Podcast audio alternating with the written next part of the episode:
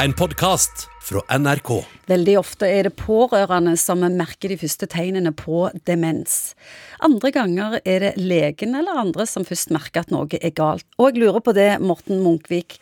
Hvordan går du fram om en av pasientene dine plutselig viser tegn på begynnende demens? Ja, det er et stort lerret å bleke for å komme videre i den mistanken man får. Har det hendt med Ja, det, det har hendt. Ganske, det er ikke så sjelden det skjer, at man, man, får den mistanken enten på egen hånd fordi at eh, pasienten som du kjenner over tid, plutselig ja, oppfører seg annerledes, eller det er et eller annet off med det, eller veldig eh, mye oftere at eh, pårørende, enten ektefelle eller barn, kommer og sier at far eller mor veldig veldig nå.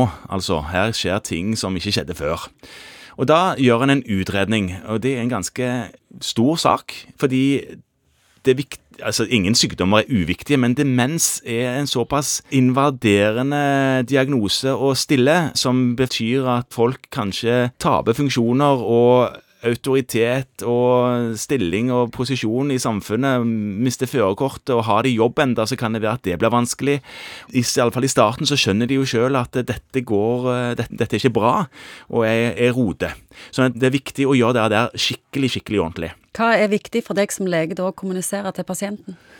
Jeg pleier å være veldig tydelig på at vi er nødt til å sjekke dette med hukommelse og hvordan du tenker om verden, og se at det ikke har endra seg så mye.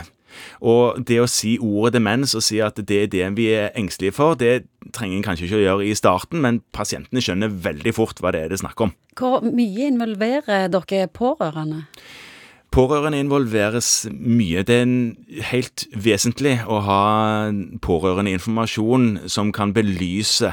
Fordi at en pasient som eier problemet, vil ofte pynte på sannheten. Det er veldig vanlig at de sier men jeg ja, ja ok, jeg dunka borti søppelspannen når jeg skulle kjøre inn bilen, men det sto jo helt annen plass enn det pleier å stå. Eller det gikk for fort, eller det at jeg ikke fant mobilen min, det hadde jo ingenting med Det, det var jo bare fordi at han lå et annet sted enn jeg pleier å legge den. Et eller annet. De, de pynter på det og kommer med bortforklaringer, for de vil ikke innse dette sjøl. Hvis du ikke har pårørende i form av familie, da? Mm. Da, og det gjør man uansett, da involverer man kommunen. De forskjellige kommunene rundt omkring i Norge har ofte det som eh, i alle fall i Stavanger kalles et demensteam.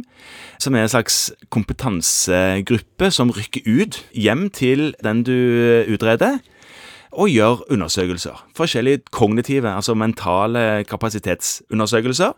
Kartlegge litt hvordan det går hjemme. Er huset er, er det lagt opp på en sånn måte at den som har litt sviktende evner, klare seg der hjemme?